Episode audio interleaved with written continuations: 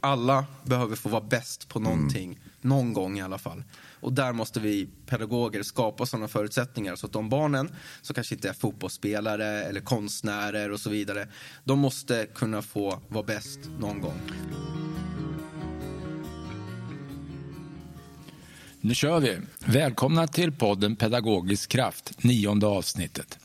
Detta är en podd om pedagogik från Järfälla som lyfter fram goda exempel från vår vardag i våra förskolor och skolor. Vi vill också att vår podd ska inspirera andra. Jag är Raul Elebring, specialpedagog sedan många år och de senaste i Järfälla barn och elevhälsas skolstöd.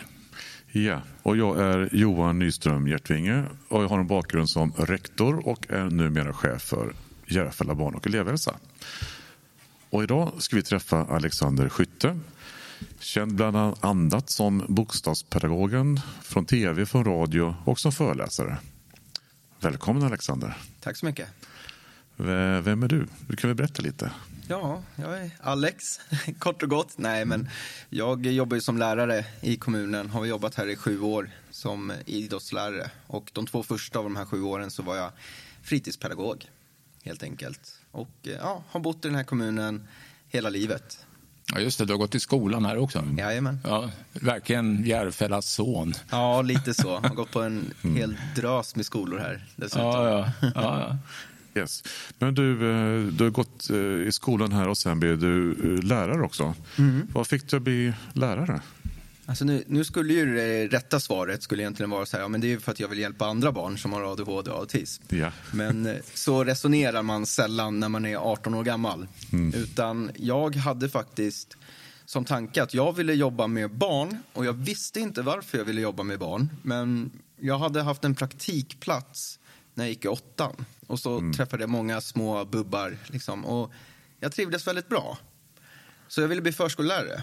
Och sen gjorde jag värnplikten och då märkte jag att ja, men jag vill ha en större utmaning för mig själv. Och nu menar jag inte att förskolelärare är utmaningsfritt. Men för mig är det en större utmaning att ha äldre elever. Så då valde jag att bli idrottslärare för jag tänkte att jag kan inte sitta still. Jag måste kunna röra på mig. Så det var egentligen den bakgrunden. Och sen på senare tid har jag ju förstått att varför jag gillar barn det är för att de är så ärliga. De kan inte ljuga. De är jättedåliga på att ljuga. Och jag trivs bra med personer som är genuina. Mm. Just det. Och, och ehm, eh, har du någon pedagog som du tycker som har varit en förebild för dig eh, här i Järfälla? Eh, ja, det skulle man väl kunna säga. Framförallt så tyck- tycker jag att jag hade en väldigt bra fritidspedagog. Som lite komiskt nog så jobbar jag ju med, med hans, vad säger man? Ja, hans fru. Jaha. Jag jobbar med hans fru. Eh, Hon jobbar på skolan. Fick jag reda på sen. Och det är lite kul för han har hjälpt mig massvis. När jag ja, egentligen brände ut mig i fyran kan man säga och jag slutade gå in i klassrummet. Då satt jag och jobbade med honom. Och det var för hans skull som jag liksom ville försöka. Jag hade gett upp. Mm. Vad, vad, vad gjorde han? Ja, framförallt var han bra på pingis. Ja, ja. det. Nej, men, nej, men han blev liksom glad. Nej, han blev genuint glad när jag lyckades. Han blev jätteglad när jag jobbade. Och Ja. när jag inte jobbade så såg jag att det var liksom jobbigt. Det, det tog emot för honom. Och han, jag, kände det som att det var inte mitt fel att jag inte jobbade. Utan han, jag- kände det som att han kände att det var hans fel. Att han inte lyckades. Och då ville jag att han skulle lyckas. Så då ansträngde jag mig för hans skull egentligen. Mm, det, det är jätteintressant. Jag brukar prata en hel del med lärare om att barn eh, vill att läraren ska lyckas. Och det är ju du ett väldigt bra exempel på, Alexander. Ja, precis. Och det, Ja. var, det var verkligen så jag resonerade då. Det var, det var viktigt för att han skulle må bra. Ja. Eh, Jag ville att han skulle må bra. För att jag uppskattade mycket saker vi gjorde, som när vi spelade pingis eller vi eh, spelade Magic, när det kortspelet var väldigt aktivt här. Och eh, ja, han hade armbrytning med min morfar någon gång liksom, och sådana grejer. Det är ju sånt man kommer ihåg. Så han- han var lite utanför boxen då. Det skulle man absolut kunna säga. Och det var ju för att du, det var lite kämpigt i, i skolan initialt ju, med ADHD. diagnos och sedermera senare så kom ju en, en autismdiagnos också. Ja, var, och förmodligen så är det ju så att ADHD-diagnosen mm. var väldigt framhävande, det var väldigt, väldigt stark när jag var ung som gjorde att mm. de här autistiska dragen de, de doldes lite. Yeah. Så man vågade inte sätta den diagnosen även fast de sa att ja, men det finns såna indikationer, ganska mm. starka såna indikationer. Men ADHD var liksom så stark. Mm. Men, men du Alexander, ser eh, utanför boxen. Hur är du som lärare idag? Är du utanför boxen eller i boxen? Eh, Ja, lite, lite både och måste jag säga. Jag försöker ju bibehålla mitt perspektiv. Det jag kan tycka är lite läskigt just med skolan, mm. det är att man dras in i en norm, oavsett vem man är. Till och med jag dras in i den normen och jag känner av liksom de förväntningarna. Det finns förväntningar på till exempel det här med ordning och reda och det ska ske på ett visst sätt. Och då när man är mitt i en aktivitet då är det så lätt att tänka oj, må, man är så stressad, jag måste få det här att sluta nu. Mm. Och ska man få något att sluta nu, ja men då finns det bara dåliga metoder. Och det är ju tillsägelse och sånt här. Det är inget förarbete egentligen, utan man hamnar på efterkälke. Och det kan jag känna att jag påverkas av. Mm. Och jag försöker liksom jobba emot det. För jag vet ju samtidigt att elever som fungerar som jag, de kommer inte fungera bättre av att man säger till dem. De kommer inte fungera bättre av att de får skäll. Utan de fungerar Nej. bättre när det är någon som mm. förstår dem, när det är någon som lyssnar på dem och när det är någon som guidar dem eh, och berättar vad de ska göra istället för vad de inte ska göra. Mm, det, där, det är jätteintressant. Det finns någon forskning från Holland tror jag som är 7-8 år gammal som visar på att barn lär sig, inte, de lär sig av att lyckas. Alltså, de misslyckas hela tiden, men de lär sig av att lyckas. Det är vi vuxna, först man är någonstans mellan 12 och 15 år, man lär sig eh, av sina misstag. Va? Som, som vi. Va? Så ja, precis. Det, ja, men det, det, det, det känner jag till också. Den är, ja. Det är verkligen intressant det. Ja. Och det tänker man ju inte på som vuxen eftersom att man är så inne i sitt eget eh, mindset. Men vad, vad, tänker du att, alltså du snackar om en norm, varför tror du inte den, det är en ganska känd, eh, du och jag känner till den och Johan känner till den, det är ganska känt att det är så. Hur, hur, hur, vad tänker du kring att det, den där normen finns ändå? Att jag tänker dens existens, eller varför den ja, existerar. att den sitter så hårt och den börjar till och med komma i dig. Eh, jag tror att det här beror på de signaler som man får från samhället i stort och från politiken också. De vill ha ordning och reda. Mm, mm. Och eh, de kanske inte är de bästa pedagogerna alltid. Och då tänker man ordning och reda, eleverna de ska banne mig sköta sig i skolan. Mm, det är deras mm, uppgift. Och det är också billigt att göra det på det sättet, att lägga problemet hos eleven. Och lägger man problemet hos eleven, ja men då står ju skolan fri. Och då kan ju skolan fortsätta som man alltid har gjort och jobba med den här normativa eh, barnen mm. egentligen och tvinga alla att komma in i den här normativa mallen. Mm. Men mitt mål när jag jobbar det är egentligen att vidga den här normativa mallen så att fler passar in i den. Mm. Så att fler går under att ja, men man, är, man är en i klassen. Vi fungerar olika, men liksom det är helt okej. Okay. Man har de förutsättningarna man har och jag som lärare skapar ju förutsättningar. Hur vidgar du? Eh, det finns ju massa olika sätt, men framför allt så skulle jag säga att det handlar om att forma undervisningen. Och det gör man genom att saker gäller för alla. Det är det lättaste sättet att uttrycka det som. Mm. Det är inga speciallösningar, utan jag kan säga till en klass, är det någon som nu inte orkar lyssna på genomgången, om ni tycker det är för jobbigt att sitta still till exempel och lyssna på det här, då kan ni gå ut och sparka en boll så länge eller jonglera, göra någonting i korridoren och så tar vi en liten genomgång sen, du och jag. Eller vissa elever, de hoppar bara in för de mm. ser vad det är som händer och kan direkt eh, haka på aktiviteten. Och det gäller för alla. Det spelar ingen roll om du har en diagnos eller inte, eh, om det är en viss person eller inte. Det, det, är, det är ett förhållningssätt för alla. Eh, det kan också vara en elev jag har haft som ja, pratar inte med mig. Eh, mutism, helt enkelt. Jag hade ingen aning om vad det var. Eh, och jag, det kändes så himla dåligt eh, när jag hade ett upprop. Och då ropar jag upp elevens namn och eh, ja, då får man inget svar. Och en lösning i den klassen blev ju att då räcker alla upp handen när de hör sitt namn. Mm. Då blir det inkluderande. Och sen ja, har jag ja. samma sak med ombytet. Det är frivilligt. För det är vissa som ja. tycker det är jättejobbigt att byta om. Jag rekommenderar ombyte. Jag tycker de ska byta om. Jag pratar om eh, ämnesanpassade klädsel. Men det kan de ju ha direkt till skolan också. Mm. Och det är ju det jag kan göra. Jag ska ju påverka det som händer i undervisningen. Jag ska inte lägga egentligen så mycket fokus på vad de har på sig. Nej, det är, så, För, det, för, för ja. det, jag tänker det du berättar inte är mycket så att det är nya så att säga, men det om du vill ombyta eller inte spelar ingen roll. Och så här, det, det är ju ingenting som man diskuterat under speciellt lång tid egentligen. Det är ju så här, antingen ombytt eller också är du inte med. Och, så här, och det är vi liksom präglade av, så du säger, sedan, sedan länge. Vad, vad, vad, liksom, vad, vad känner du? Liksom, hur, hur jobb, man blir ju präglad av sin egen ungdom, om man säger så, och sin egen skolgång. Och vad känner du själv att du, att du har fått mer därifrån? Vad är det du brottas med då hela tiden? Kopplat till det exemplet Mm. så kan jag ju säga att eh, jag sa att jag inte hade idrottskläder Mm. för att slippa vara med. När det var för jobbiga moment. Särskilt när det var kullerbyttor och man skulle vara upp och ner. Jag hatar att vara upp och ner. Mm. Eh, har alltid gjort. Jag också. Ja, så, så, så då var det verkligen så att jag sa jag glömde idrottskläder. Ja, Ja. Och då slapp du vara med. Det blev ett legitim anledning Mm. att slippa delta. Precis som om jag hade varit sjuk och varit hemma. Mm. Och mitt mål är att ta bort såna där så jag kan förstå vad är det egentliga problemet. Så jag Mm. kan bemöta det riktiga problemet. För om vi lär elever att bli kameleonter i skolan Mm. då kommer vi aldrig se deras behov och vi kommer aldrig kunna bemöta dem. Så du skalar liksom bort lagren Ja, det är det. För att, för att hitta ja. liksom till... Jag vill komma till kärnan. Kärnan, liksom. ja. det, som är, det som är det verkliga bekymret. Mm. Och många gånger så känner ju elever att ja, men det är ju pinsamt. Mm. Eller de skäms av att inte kunna göra som andra. Mm. Det kan vara alltifrån bollrädsla. Så elever skäms för att de är bollrädda. Och då försöker de även fast de Mm. eh, inte klarar av det. För att de vill vara normala, som man säger. Och vara normalt för den delen. Men tillhöra Ja, det normativa. Ja. De vill Ja. vara som de andra. Det är det Ja. det handlar om. Som Ja, de andra. Och sen jag tror också för att vara för, för att de, tror att de, gör dig glad med att inte vara bollrädda. Ja, precis. På vad du snackade om innan. Liksom. Precis, för att det är, liksom, det är mitt mål. Ja. Alltså, det är ju mitt mål att komma dit. Det säger jag ju till dem till och med. Men det är så viktigt också att bekräfta att det är helt okej att vara bollrädd. Du är inte ensam om att vara bollrädd.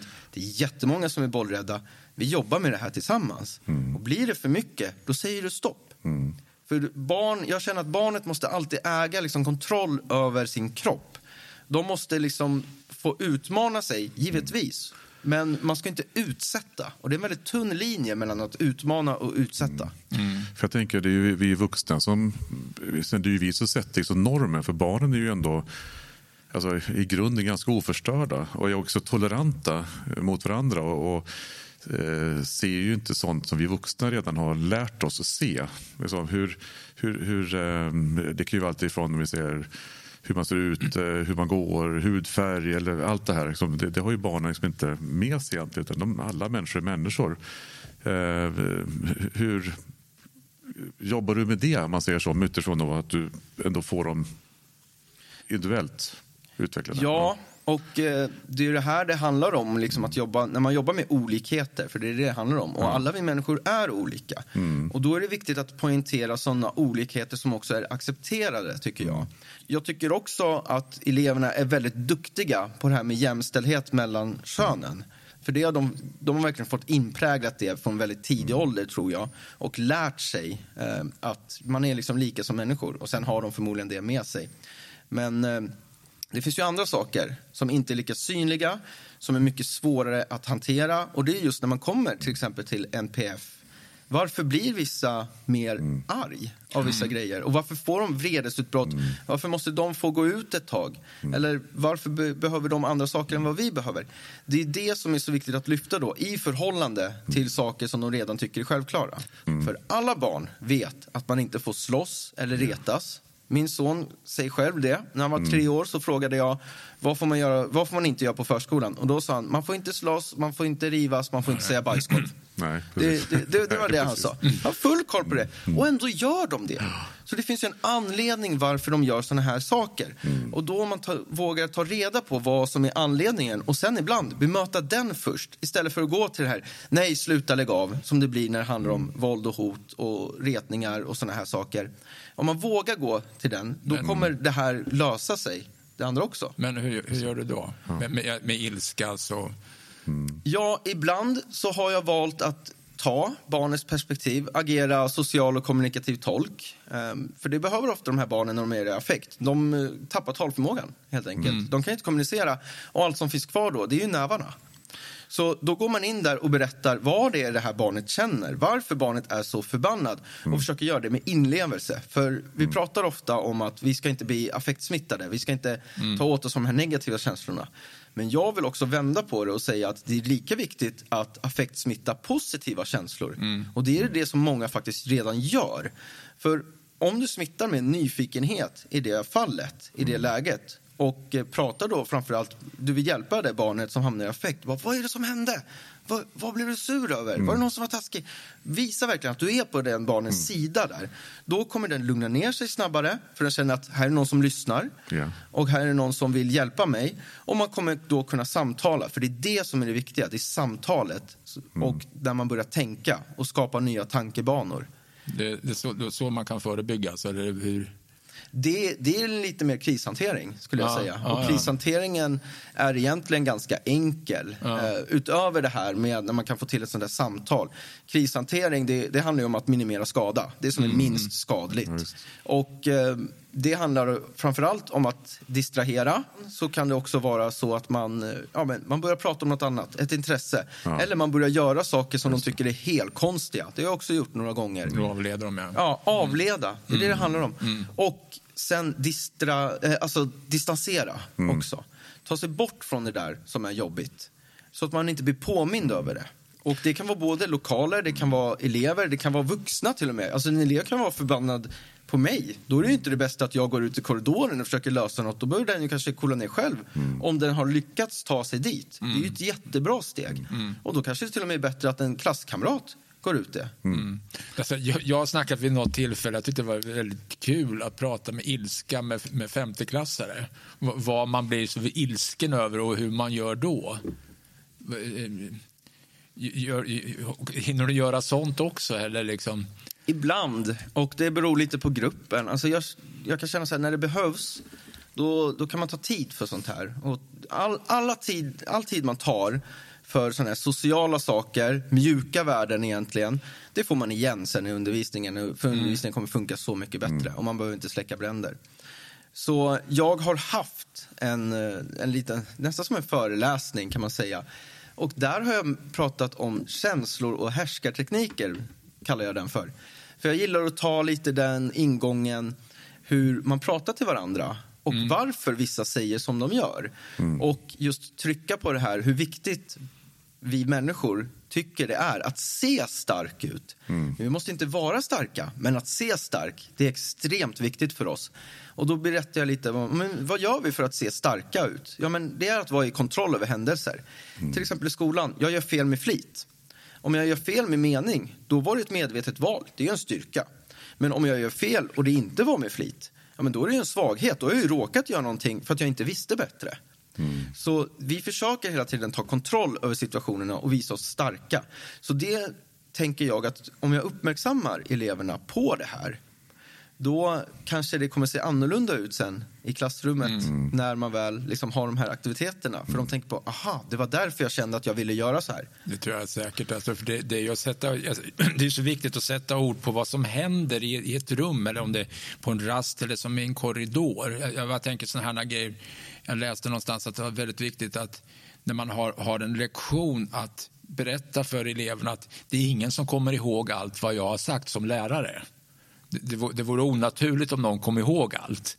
För, för då kan vara de som har, har det knepigt och känner sig utsatta att de känner, tror att alla kan, all- kommer ihåg allting. Va? Jag pratade om det nyligen faktiskt. Ja. Eh, Det finns ju en kurva här, jag vet inte vad den heter, Forgetfallency eller något Ja, sånt där. just det, det. det finns en kurva som visar att om en, eh, en dag efteråt, du kommer ihåg ungefär 10 procent Ja. av det du läste dagen innan. Eh, Jag tycker det är jättekul att prata om sådana här Ja, saker, för det är, det, är liksom, det är fakta och då ser de, ja just det. Det är därför som om jag ska lära mig det här, då behöver jag faktiskt läsa över tid. Och jag behöver göra det flera gånger. Och det är framförallt bra att berätta när eleverna kanske tycker ett moment inte är det roligaste momentet. Att berätta varför gör vi det här igen? Jo, men det är för att vi ska damma av de här kunskaperna och gå upp på den här kurvan lite för att befästa de här kunskaperna. Jag har redan glömt det. Ja. Ja. Alltså, ja. Men du, vad, vad tycker du eh, du själv eh, brottas med liksom, utifrån att du är du då, eh, vad, liksom, i din profession som lärare?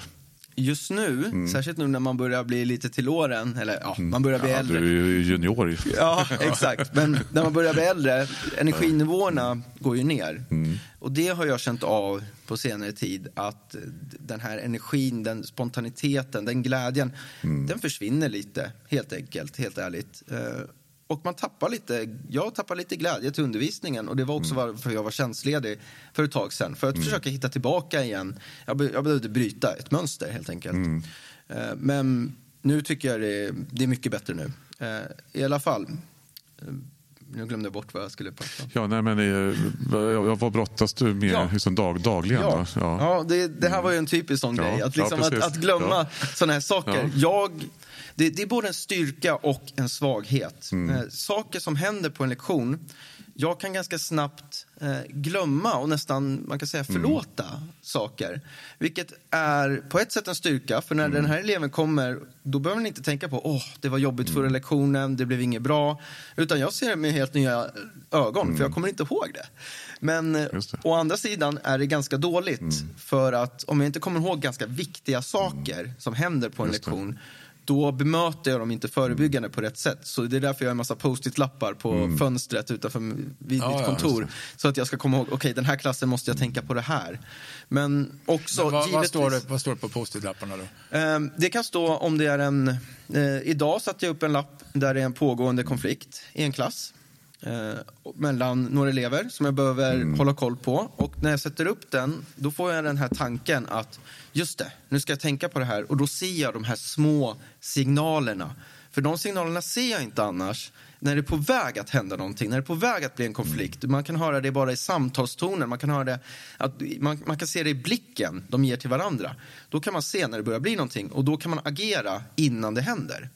Så det är därför jag skriver upp såna lappar. För att jag ska tänka på det lite i förväg. Och så att jag kan vara förberedd och förebyggande. För är man på förhand, då kan man agera.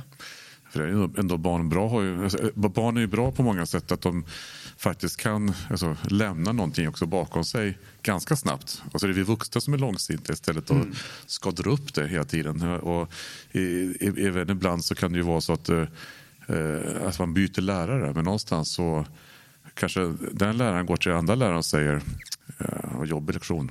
Han var jättejobbig. Och, så får, och någonstans så har man gett en lärare en signal redan att ja, så här är det på den här lektionen. Och så, Ja. blir, så blir den lite dömd redan från början. Precis. Jag tänker, det är ju också någonting man... eh, Alltså, eh, I ett nytt forum bör man ju liksom bli, bli bra bemött liksom, för det blir ett nytt forum igen. Ja. Så, att, eh, så att, eh, det är väl någonting vi vuxna måste tänka på ibland eh, också. Ja, att, och, och det här är varför jag ibland faktiskt undviker att...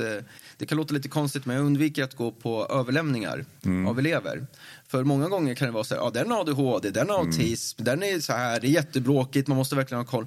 Jag vill kunna ge eleverna en ny chans när de kommer in i mitt klassrum. Jag bemöter dem som ett tomt löv. Sen kommer jag se de behoven som kommer uppstå. Jag är övertygad om att alla lärare kommer se de behoven som uppstår. Eh, och då, efter det, så skulle jag kunna ta en överlämning efter kanske första eller andra veckan. Just för att jag vill inte få förutfattade meningar om eleven. Ja, en till viktig grej jag skulle vilja lyfta när det kommer till eh, såna här saker som är lite svårt för mig och eh, som jag tycker är jätteviktigt att lyfta som jag faktiskt inte har lyft förut utan Ja. jag kom på det nu. Så det här är alltså eh, release? Ja, det är release. härligt. Det är ny Ja. information egentligen. Och jag, jag brukar behöva marinera vissa tankar ett tag på hur man ska lyfta det. För många saker kan vara väldigt utlämnande. Ja. Och det här är ju typiskt en sån sak. Jag är till exempel livrädd för vuxna människor. Och jag kan till och med bli lite rädd för vissa kontakter initialt med barnen. Det här är någonting jag jobbar mycket på. Och det här kommer ifrån att jag som liten blev väldigt ofta tillsagd. Jag gjorde alltid fel och så vidare. Det var så jag upplevde det. Och eh, att det var så himla många negativa relationer runt omkring mig. Så jag tog avstånd. Och jag tog avstånd liksom från vuxna, för det var ofta de som liksom sa till. Och jag tog avstånd liksom från klasskamrater också, för det var då det blev jobbigt. Man hittar liksom en överlevnadsstrategi. Och varför jag vill lyfta det här, det är för att här vill vi ju inte att barnen ska hamna. De ska inte liksom behöva vara rädda för andra människor. För det är jättejobbigt att jobba bort sådana här saker. Och eh, det måste man liksom göra som vuxen då. Och visst kan man göra det, men man ska inte behöva hamna där. Det där, det där är väldigt viktigt. För, att- för att du, du, det, det finns det, nu kommer jag inte ihåg, men det finns ju också forskningar kring det där. Alltså, är man rädd för läraren, då lär man ju sig ingenting. Nej, Eller väldigt, det, går, det går inte att, ja, det kanske går, jag vet inte, men det ska inte gå att- att att skrämma sig till, till Teaching by fear. Ja, alltså in, inga skratt förrän Mm. eh, nyår. Liksom. Alltså jag menar, militären har till och med släppt på det där i sin ja. pedagogik. Så om militären har släppt på det, då borde ju skolan verkligen Men, där, men, men där ligger ju Försvarsmakten ligger ju långt framme i den forsk forskningen också. Så jag tänker, du passar väl säkert bra i den verksamheten? Jag älskar militären. Och jag brukar säga militären den är perfekt för autister. Alla som är med i militären de har autism. För att man behöver den här tydligheten, förutsägbarheten. Korta, eh, snabba order kort och med, med repetition. Ja, Mm. väldigt, nej, men det, det är kul. Och jag blandar in militären faktiskt eh, på skoj då såklart, in eh, i undervisningen. Till exempel när man ska göra något så himla tråkigt som att stå i ett led. Det är ju bland det värsta som finns för många elever. Ja. Men ger man dem något att tänka på, då blir det lite enklare. Och här i militären har man ju en, hel liksom, katalog med hur det ska se ut. Man har ju ett, eh, det heter inte regemente, men det heter någonting. Ja, precis. Ja, men just det, man säger, eh, du tänker så här, att öppen fyrkant. Ja, två jag två, två ja, ledlinjer. Ja, det använder Och, det. eh. Men eh, Reservaren där, va? Ja, Ja, precis. och, och framförallt, när det, alltså det står ju uttryckligen hur det ska gå till, hur långt avstånd det ska vara. Yes. Så när de står i led... Armbågslucka, Ja, precis. Mm. Ja, då brukar jag säga det. Armbågslucka ska det vara, så visar de hur de ska hålla ut Mm. armbågen. Och sen kolla på tårna framför er och så går man lite intresserat där och Mm. visar. Ja, nu står det lite för långt fram, lite för långt bak. Och så, då står de och rättar in Mm. där. Och så får man kontroll på gruppen medan de har någonting att tänka på. För ger man dem någonting att tänka på, då får de inte så mycket andra impulser helt enkelt. Och de kan inte stå emot de impulserna. Nu tror jag Johan vi får börja runda av. Ja, vi, får precis. fler. Och, eh, tack för att du delar med dig. Och, eh, du har ju pratat mycket just egentligen om att relation och, och våga lyssna på barnen. Det är A och O. Och det jag tycker om man ska skicka med någonting liksom både uppåt och till politiker och till eh, chefer och så vidare, det är att ge personal tid till att knyta relationer. För det är det man behöver. Relationer, de knyts ute på rastgården. De knyts i, eh, vid omklädningsrummet om man är där någon gång. De knyts i korridorerna. Alltså det är där, utanför lektionstid. Matsalen. Ja. Matsalen är ett typiskt sånt exempel. Där man knyter relationer, där man kan prata om saker som inte hör om undervisningen. Och då eleverna får se att jaha, det här är en människa som bryr sig om mig också. Alla människor behöver känna sig omtyckta och sedda. Ja. Och jag brukar till och med säga att alla behöver få vara bäst på någonting, någon gång i alla fall. Och där måste vi pedagoger skapa sådana förutsättningar så att de barnen som kanske inte är fotbollsspelare eller konstnärer och så vidare, de måste kunna få vara bäst någon gång. För det är Den, den gillar jag. Det var, det var en bra slutkläm tycker jag på det här samtalet. Tack för att du kom och tack för att du delade med dig. Ja. Och eh, då gör vi som vi brukar att vi avslutar med att tacka Huset på höjden som är Järfälla kommuns kultur och aktivitetshus. Här får vi hjälp att eh, spela in och eh, redigera vår podd. Och sen vill vi tacka vår podddesigner Julia Rosborg. Och med det säger vi Tack och hej. tack och hej. Tack och hej.